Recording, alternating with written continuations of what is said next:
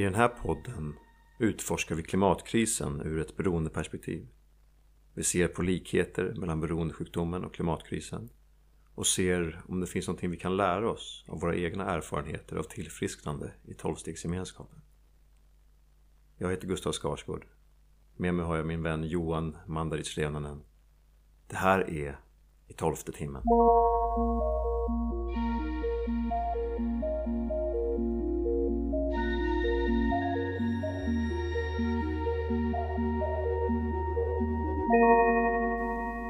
Hej Gustav. Hej Johan. Hej. Hur mår du idag? Jo, det, jag känner mig lite mosig i huvudet. Ja. Jag känner mig lite så här eh, placebo-bakis nästan. Ja, just det. Eh, vi var ju på en väldigt spännande middag igår. Eh, vi träffade lite andra människor som också är engagerade i klimatfrågan och hade massa diskussioner och Mm. var väldigt uppeldade och inspirerade. Och så, här, så jag, jag kände mig nästan lite hög när jag till slut lyckades somna. Så då kände jag mig nästan lite så här, ja, placebo-bakis. Ja. Hur mår du? ja, men jag kan känna igen mig i den där placebo-bakisheten faktiskt. Ja. Och det som är, eh, jag menar, så, så kan jag ha efter eh, alltså, när jag somnar lite för sent, när jag är uppe för mycket i varv, går igång liksom. Men så kan jag också vara glad över att ja, i alla fall bara placebo-bakis, jag är inte Ja. bakis på riktigt. Ja, exakt. Jag föreställer mig ibland hur, alltså, i och med att så här, nu är man så känslig. Ja, Om man har precis. nykter några år så är man så känslig för sådana här små rubbningar. Ja, men man sov inte eller... Ja, så, så kan jag tänka ibland så här, hur skulle jag klara av att vara bakfull idag? Jag skulle aldrig, aldrig, jag skulle inte klara fem minuter. Nej, Ja. Mitt lägsta mående idag fortfarande är så pass mycket högre än mitt högsta mående då. ja. Jag vet inte heller hur jag skulle klara av, alltså, tänkt några gånger, hur skulle det vara om jag gick tillbaka? Mm. Och liksom tillbaka in i det aktiva igen. Då 35 förvisso, nu snart 43. Så det är såklart en komponent. Men jag, är ju, jag känner mig ju oändligt mycket fräschare idag än vad jag gjorde då. Ser jävligt fräsch Ja, ut också. tack, tack, tack. Vi skulle ha haft eh, YouTube istället. Nej, fy. Nej, men att, att gå tillbaka in i det, att liksom skruva om hela mitt system igen. Till någonting som, som är inne i den där jakten. Mm. Det, ja, jag vet inte hur länge jag hade fixat det faktiskt. Jag tror att det hade gått ganska snabbt. Just eftersom jag är lite känsligare idag. Men samtidigt fräschare. Det är lite paradoxalt tycker jag. Mm. Om du utsatte dig för den stressen. eh, Ja. Ja. Ja, men jag tycker att middagen igår var superspännande.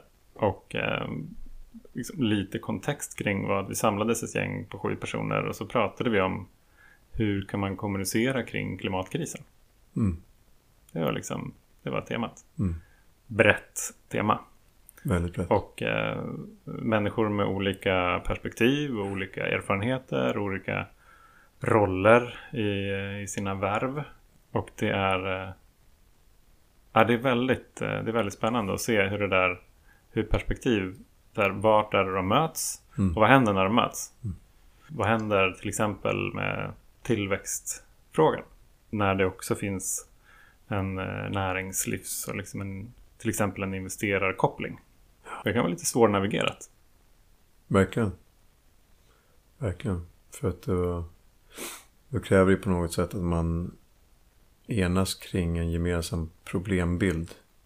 När man ska börja spekulera kring hur man når bästa möjliga lösning. Är, är det så att eh, för alla kanske inte enas kring att ett tillväxtberoende eh, system är problemet.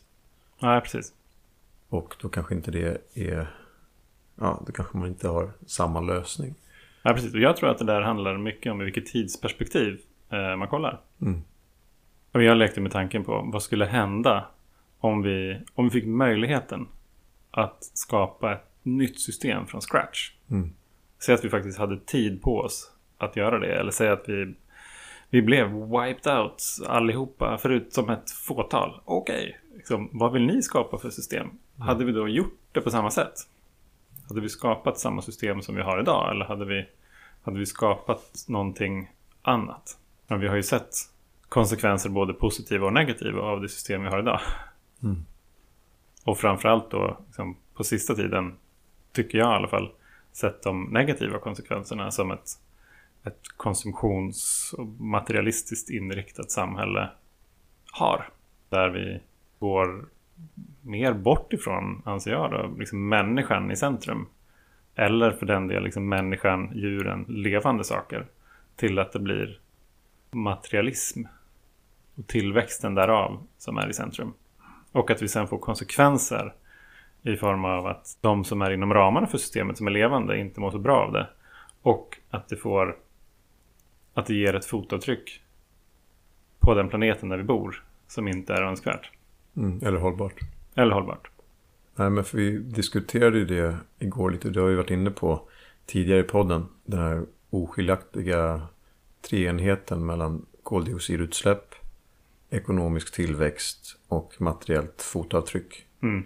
Och då fick vi höra igår att det har skett lite saker där. Mm. Att, eh, att det finns en siffror som pekar på att det kan finnas en liten separation mellan eh, ekonomisk tillväxt och eh, koldioxidutsläpp. Man investerar mer i, i grön energi. Och, eh, och det är ju hoppfullt. Och det är ju ett steg i rätt riktning. Med tanke på att vi måste nu få ner koldioxidutsläppen. Mm. Men problemet med den ekonomiska tillväxten är att även om den inte släpper koldioxid så kräver den energi. Så den kommer fortfarande inte kunna frånkoppla den från materiellt fotavtryck och energi. Och så länge systemet i sig bygger på ständig tillväxt så kommer vi alltid ha en problematik kring ändliga resurser. Vad de, vilka de än är. Så förr eller senare så måste vi då titta på systemet. Och det är ju det, det som vi gör här. Vi tittar på den här kopplingen mellan beroendesjukdomen. Det vill säga, jag är beroende av en substans som jag måste ha mer och mer utav för att uppnå samma resultat. Och eh, det rådande systemet och klimatkrisen. Jag tyckte att ett intressant perspektiv som vi fick med oss igår också var att eftersom vi blir fler människor på jorden så, så, behö, så behövs det ekonomisk tillväxt. Mm. Och den analyserade vi inte liksom så. Men det jag tänkte på där var, okej, okay, men hur många människor kan vi bli då? Mm. Liksom, inom ramarna för det, som, för det som är de resurserna som ändå finns på den här planeten. Alltså man tar det liksom så långt. Nu är vi 8 miljarder, vi har precis serat det. Eh, jag tror att Johan Rockström och Gaffney skrev i sin bok eh, typ eh, historien om jorden eller jorden en historia eller något sånt där. Skrev att vi kan bli 11 miljarder.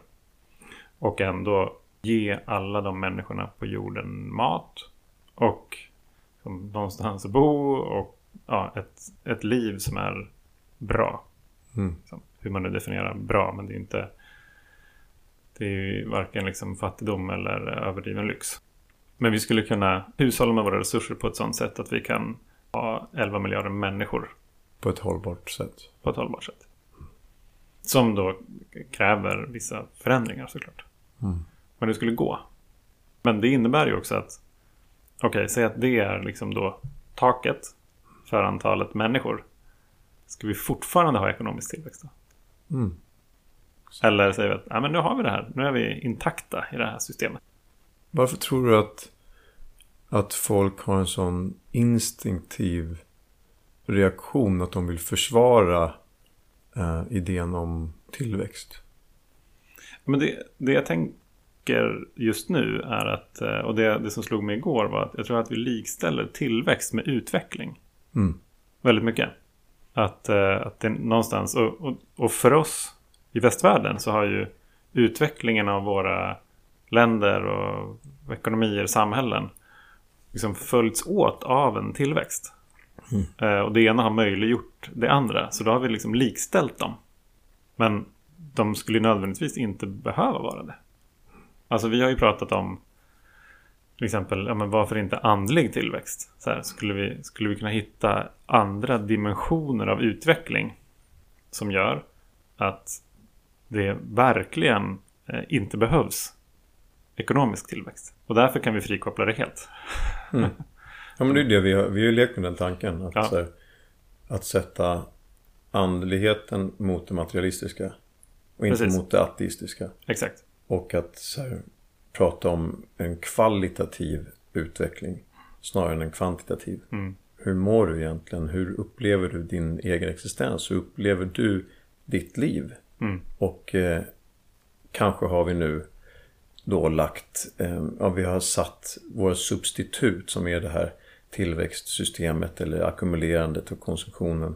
Har vi liksom att det här att vi blir att vi går över ån för vatten. Och där känner jag igen då när, när, när folk får den här extremt defensiva reaktionen när man pratar om det här. Eh, då känner jag igen beroendesjukdomen. Då känner jag igen att, att prata med en beroende som inte har kommit till den punkten han har accepterat att den är sjuk än och är villig att ta hjälp. Utan att man är kvar i det här förhandlingsrummet. Man är liksom existentiellt villig att försvara det rådande. För att, för att det är det enda man känner. Och rent biokemiskt är det så att så här, beroendesjukdomen utvecklas i reptilhjärnan. Så att du tror att du behöver din substans eller ditt beteende för att överleva. Det är så starkt det blir. Och det du tror att du behöver för att överleva, det är du villig att gå i strid för. Ehm, så att, och det tycker jag var väldigt intressant att få att säga, ja men kanske sitter det så djupt i människor den här äh, idén om rätten till att vilja ha mer. Rätten till att eh, vilja konsumera mer och ackumulera mer. Att den kanske för många människor sitter väldigt djupt inne i hjärnan. Mm. Och då blir det väldigt intressant utifrån vårt perspektiv som har kommit från, som man har tillfrisknat från ett fysiskt beroende. Att säga, men det går faktiskt att omprogrammera hjärnan. Ja, precis. Och det, det som slog mig här, ett par år in i tillfrisknandet.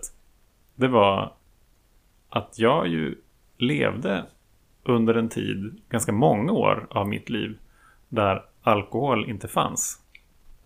Du menar innan du började dricka? Innan jag började dricka Mm. så levde ju jag mitt liv eh, utan det som sen skulle bli, som, skulle bli det som blev allra viktigast. Mm. Men det var nästan, det kändes nästan, eh, jag vet inte, science fiction att tänka tillbaka på att den tiden ens har funnits. Mm. För, att, för att det blev en så integrerad del av det jag behövde för att överleva. Mm. Och då var det ändå någonting som kom in i mitt liv när jag var, säg 14-15 år. Mm. Okej. Så då kan man ju tänka sig att vi båda och de nu vi är runt omkring oss, alla har ju liksom fötts upp och lever i det här paradigmet, det här materialistiska. Så det är inte så konstigt att vi tänker dels att vi behöver det, för att så har det alltid varit. Hur skulle vi klara oss utan det? Och att vi med det, när det hotas, blir väldigt defensiva. Mm. Alltså det är egentligen ganska naturligt. Rimligt. På något sätt så blir det ungefär som luft. Ja, jag behöver luft för att, för att leva. Det är bara att luft är någonting som vi faktiskt behöver Mm. för, att, för att leva. För att syresätta våra lungor hela våra system och så vidare. Så att våran, att våran fysiska kropp ska kunna leva. Mm. Men, men det materialistiska behöver vi verkligen inte i samma utsträckning. Nej. Men vi har gjort det till det. Man kan ju kanske också titta då på skillnaden mellan behov och beroende. Ja, verkligen. För att behov, det går inte att förneka att vi har behov. Nej, exakt. Och jag menar, dels har vi då de basala behoven. Du nämner syre. Ja, vi behöver kalorier, vi behöver föda, vi behöver ljus. ehm, vi behöver beröring. Och sen så finns det en massa andra behov. Som vi ibland har liksom missat kanske. Alltså behovet av gemenskap. Behovet av agens. Vad innebär det? Alltså möjligheten till eh, handlande. Att man har agens, att man har eh, en känsla och en praktisk möjlighet att få agera Mm. som man vill. Autonomt. I frihet, autonomt. Ja. Mm. Vi har ett behov av utveckling. Och vi har ett behov av tillväxt. Eh, det tror jag. Men jag tror att den här tillväxten, om man då ens vill använda det ordet. kanske utveckling är, är, är ett bättre ord. Men jag tror i alla fall att, att, att den har blivit lite kapad. Och då hamnat på det här substitutbeteendet. Alltså det är ju jätteintressant. För att just här, behovet av gemenskap till exempel. Mm. Om, man, om man ska ta den, bara så här, zooma in lite på den. Så tror jag att jag, när jag drack. Så hade jag lättare att känna gemenskap. Jag hade de, här, liksom, de hindren som jag satte upp för mig själv. Jag var lite för blyg och jag visste inte hur man skulle liksom, göra och prata och sådär. Så Okej, okay, så fick jag en lösning som, som hjälpte mig med de hindren mm. till gemenskap. Och därför så blev ju efter ett tag i min egen liksom, betingning så blev ju alkohol ger gemenskap. Så att jag uppfyllde ju mitt behov mm. av gemenskap genom en extern lösning som jag till slut sen då blev beroende av. Och då har jag någonstans down the line så förväxlade jag ju mål med, med medel. Mm. Och det är någonstans det tycker jag som är en del av frigörelsen. För att då, om, jag, om jag då är beroende av alkohol för att nå gemenskap som egentligen är mitt behov. Då går jag nu direkt till gemenskap. Utan att ta vägen via en lösning som inte funkar. Mm. Och om man vänder på det då. Motsatsen till behovet av gemens gemenskap är ju rädslan för exkluderingen. Och den är ju extremt stark också, särskilt om man tittar på kollektiva beteenden. Eh, rädslan att vara den som sticker ur och ska bli ut och ska bli exkluderad av gruppen. Vad, vad gör vi för att eh, bara få vara med? Eller för att inte, bara för att slippa exkluderas? Utveckla. Att om jag... Om, om det som jag egentligen skulle må bra av ger mig rädslan eller leder till rädslan att jag kanske skulle exkluderas från gruppen. Så kanske det är någonting man undviker. För att man vill vara som alla andra. Mm, man, vill, man vill tillhöra. Och eh, då kanske man ibland missar perspektivet på om det man tillhör faktiskt är någonting konstruktivt. Ja, precis. Någonting, någonting som jag egentligen mår bra av. Exakt. Eller är det, eller är det då tillhörigheten till den gruppen som är, som är det jag egentligen är ute efter. Ja. Det hade kunnat vara vilken grupp som helst. Precis. Mm. Tillhörighet överlag. Eller då rädslan för exkludering. Mm. Ja, precis. Som då också blir, det pratar vi mycket om i tolvstegsgemenskapen också. Det här med rädslor. Att vi är drivna av rädslor. Och att vårt beroende har varit ett sätt att undkomma eller undvika våra rädslor. Problemet är att det inte funkar. Um, för mig var det så i slutet att när jag var så rädd, när jag var nykter, jag var så paranoid. Så att jag behövde dricka för att komma till blackout.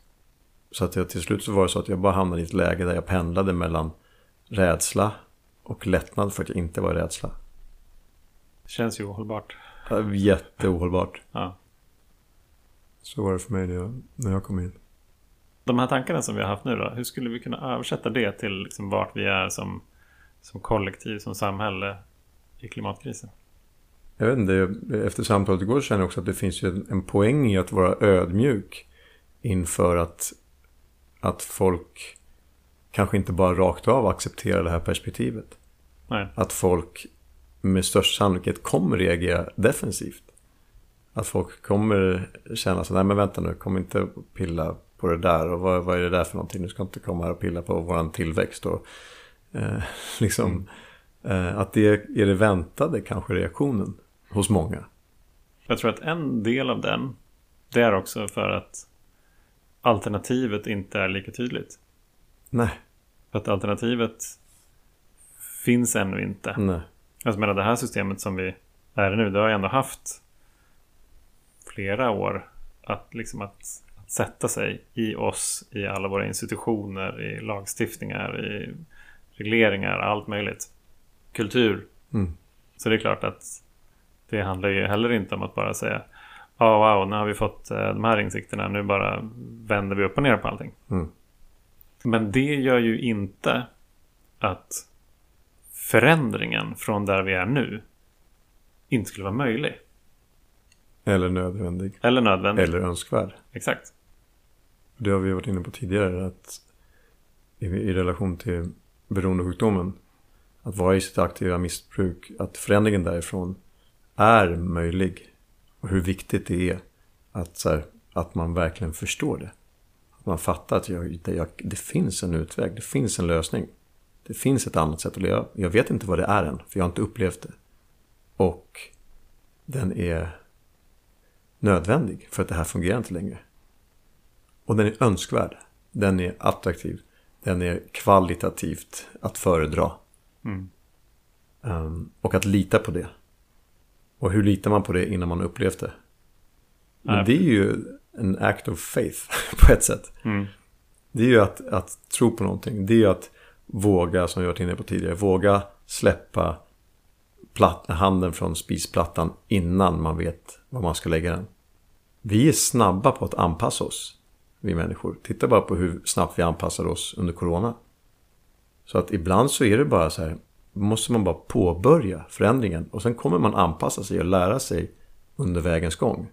Vi måste inte ännu veta var vi ska sätta nästa fot för att våga lyfta den från där vi står.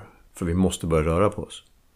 Det var ett perspektiv som kom upp igår som var Vi människor är inte så duktiga på att förändra oss Men vi är duktiga på att anpassa oss Exakt. Det tyckte jag var spännande och det har jag inte hört så explicit förut Mm. i alla fall. Men, och då tänkte jag, då kanske det är Är det liksom storleken på förflyttningen? Eller hur tolkar du det? Jag tolkar det som att vi med hjälp av våra överlevnadsinstinkter hittar sätt att anpassa oss till- de rådande omständigheterna. I större utsträckning än vad vi drivs till att förändra de rådande omständigheterna. Mm. Ja, just det. Det är klokt. Men om man, om man då tänker ur ett tolvstegsperspektiv som ju innebär en personlighetsförändring. Du måste liksom förändra hela ditt sätt att eh, operera på. Mm.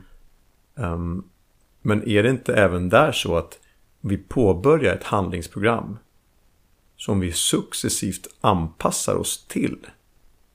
Och över tid så uppnår vi förändring. Mm. Jo, absolut.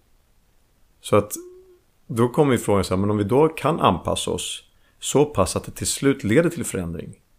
Då kanske man ska börja titta på så här, men vilken handlingsplan är det? Eller hur, hur påbörjar vi den rörelsen, den resan? Eh, och, och där själva anpassningen till den sen leder till förändringen. Ja, precis. Vi är ju duktiga på att överleva. Mm. Det är vi ju verkligen. Men då är det också att jag, jag tror också att det handlar någonting om proaktivt versus reaktivt. Om mina förutsättningar radikalt förändras. Okej, ja, jag, jag, kan, eh, jag kan vara kvar och, och önska att de inte hade gjort det. Men när de har gjort det så har de gjort det. och då får jag, och antingen så anpassar jag mig eller så dör jag. Mm. Där, put it bluntly. Men vi har nog svårt att tänka oss, okej, om jag fortsätter på det här, då kommer det här och det här och det här hända. Så vi borde göra den här anpassningen nu. Mm. Om vi inte så. För den har vi svårare för. Att agera proaktivt. Och då kommer vi tillbaka till det där med att höja sin botten. Ja, Att med hjälp av förståelse, kunskap för undvika katastrofen göra förändringen i tid. ja, Eh, Och där är det ju viktigt med information och förståelse. Men den är svår. Den är väldigt svår att ta till sig innan du har upplevt den, innan du har känt den där konsekvensen som tvingar dig till förändring. ja, Ehm, Så det är svårt. Eh, och jag tänker så här på ett kollektivt plan nu, då är det så här, men antingen så anstränger vi oss för att verkligen intellektuellt förstå vilken linje vi går på och gör den nödvändiga förändringen i tid. Eller så kommer det bli så att vi kommer lida tillräckligt mycket för att det ska leda till den förändringen. ja. det, det kommer ju att hända. Och jag tänker att ur ett, ur ett annat perspektiv, ur ett, ur ett ekonomiskt perspektiv då.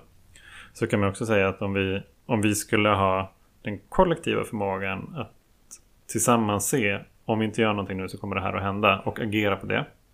Då skulle vi kunna lägga de pengarna vi skulle kunna investera de pengarna idag som vi annars skulle behöva investera om tio år på att hantera alla klimatskador. Mm.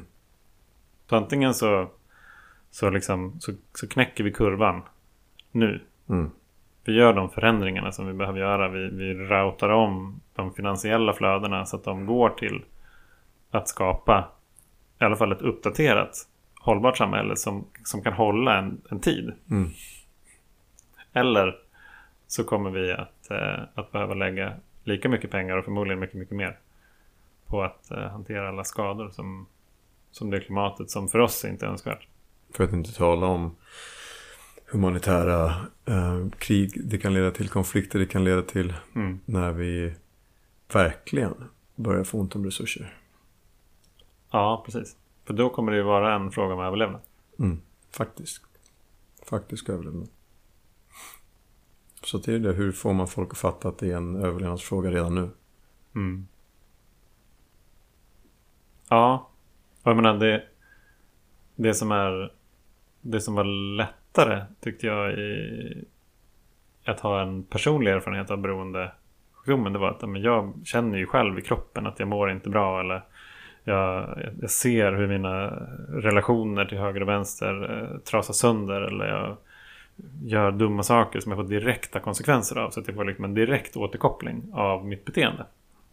Då är det lättare för mig att göra den analysen.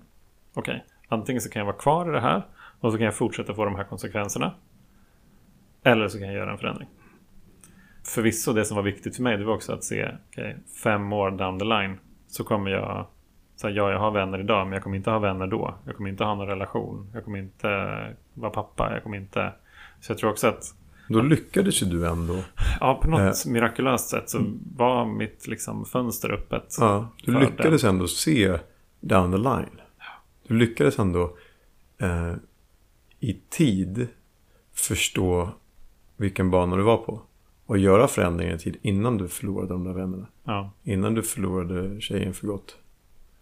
Så det är ju verkligen så här, då har ju du ändå en personlig upplevelse av att så här, via förståelse för den framtida konsekvensen som är värre än den Mm. nuvarande konsekvensen så ändrade du ditt beteende. ja, Och så upplever jag det också. Även fast jag var ett... Alltså att jag mådde så dåligt att det kändes akut nödvändigt att göra någonting åt saken där och då. mm, Så visste jag ju också, jag menar i relation till min mamma som hade gått ännu längre ner längs den vägen. Och hon hade nästan supit ihjäl sig när hon vände. Och det hade jag sett. Så jag hade det, fram, det att relatera till också. Att veta att så men där kommer jag också hamna snart. Om inte jag gör en förändring. det hade ju varit intressant om vi hade haft en, eh, en jorden, eh, jorden 1 och vi jorden 2. Ja. Och så här, kolla, de, så här, de, när de var vid den här punkten, då gjorde de ingenting. Mm. Nej, okej, vi ska inte göra samma misstag som dem. Så att jorden 1 höjer jorden 2s botten Mm. Ja, exakt. Ja. kring när vi gör det. ja. Tyvärr är det ju inte så. Utan Nej. Vi är, eh, vi, vi är först ut, i alla fall som vi vet. Eh, så att då får vi liksom enligt bästa förmåga hantera den här situationen. Mm. Sen kan man ju titta på olika imperiumsfall.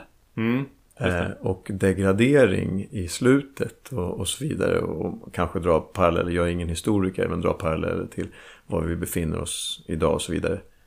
Det är bara det som är unika med den situationen vi befinner oss i idag är just den här, alltså för att romarriket hade inte den ekologiska påverkan på hela världen att man, att man höll på att skapa en massutrotning av arter. Nej, precis. Eh, Det var inte så, utan det var de själva som gick under Mm. till slut. Och det, det, det som är så unikt för oss är att vi kan ta med oss så jävla många mer i fallet. Ja. Och att det händer dagligen. På något vis så känns det både liksom tungt och hoppfullt på samma gång. Mm. Tycker jag. Att det är, det är en lång väg. Mm. Samtidigt så har både du och jag erfarenhet av att en förändring kan gå väldigt snabbt. Mm. I alla fall liksom en, en insikt till och börja liksom gå åt ett positivt håll. Mm. Det kan gå fort. Sen är ju frågan om liksom vad, vad behöver jag personligen? För att jag tror inte liksom sättet som vi kan påverka hela kollektiv på. Det är nästan liksom via lagar. Mm. Eh, någonting blir förbjudet att göra. Ja, Okej, okay, men då kommer ju fler personer inte göra det imorgon än vad de liksom gjorde igår.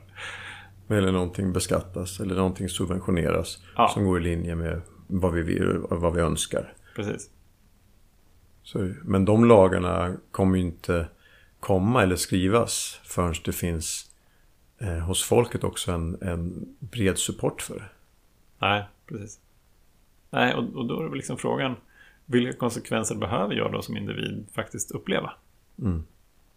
Och om man då vänder på det och börjar titta på lösningen. Mm. Utifrån vårt perspektiv. Det här, den tredje delen av lösningen att den faktiskt är önskvärd.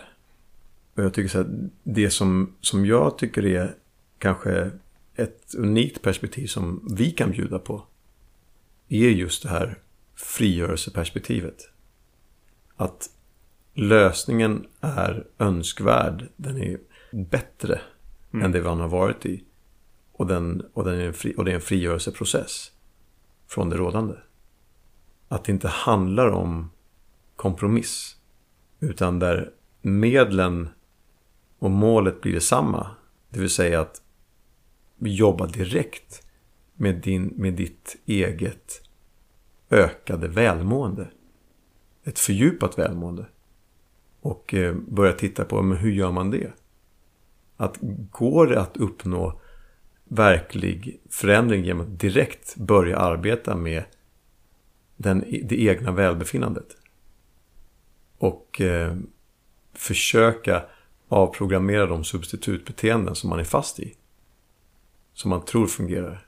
Mm. Som man är villig att försvara med näbbar och klor. Men som man kanske någonstans har en gnagande känsla att det där inte riktigt funkar. Ja, precis. Jag menar, vi har ju turen att vara missbrukare.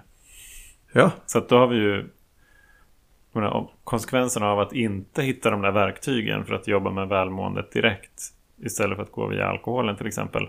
Men det hade ju fått konsekvensen att vi inte hade suttit här idag. Mm. Så, att, så att då blir valet quote unquote enklare mm. att göra. Men innan jag, jag menar jag var ju 35, jag hade inga verktyg för att jobba med mitt välmående. Även, fast ska tilläggas, jag hade läst så många självhjälpsböcker. Mm. så hade jag ändå inte verktygen. För att mm. det var ingenting som jag visste hur man skulle prata om eller vem ska jag prata med. Eller, vi har inte gjort det hemma, vi har, vi har inte gjort det med liksom kompisarna sådär. Inte i skolan. Så jag ser också att vi är, i alla fall i vårat land, kultur. Vi har någonstans längs vägen tagit bort det där. Tror jag kanske för att vi, vi har ersatt det med liksom storyn om um, individualismen, materialismen. Mm. Men det där är ju lärdomar och verktyg och kunskap som inte borde ha gått förlorade. Alltså de behöver vi verkligen. Och det är en del tycker jag av att sluta gå den här omvägen som inte funkar till ett välmående. Mm. Och, och, och intressant med individualismen. För det känns ju som att den också har blivit kapad. Att individualismen idag eh, betyder varje individs rätt att bete sig på ett girigt sätt. Att hänsynslöst kunna tillskansa sig mer och mer på andras bekostnad. Det är vad individualismen betyder inom det nuvarande systemet. Och då kapar man ju också den individualistiska längtan.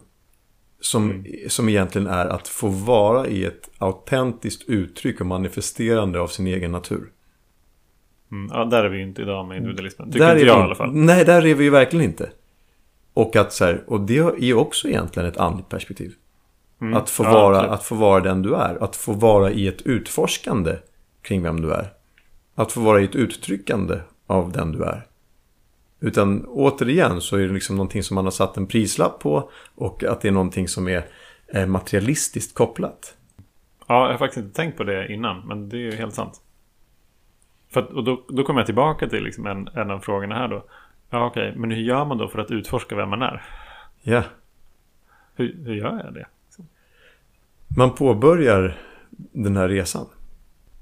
Och det är en jättespännande frågeställning. Jag tänker att just det där kring resan. Det är nästan ett avsnitt i sig. Mm. Så vi, vi får nog hålla lite på halster. Det blir en cliffhanger. och så ses vi tänkte säga, det gör vi inte. Vi ses ju Gustav. Eh, men ni andra, vi hörs, vi hörs nästa gång. Mm. Ta hand om er där ute. Ta hand om er. Kram. Hej.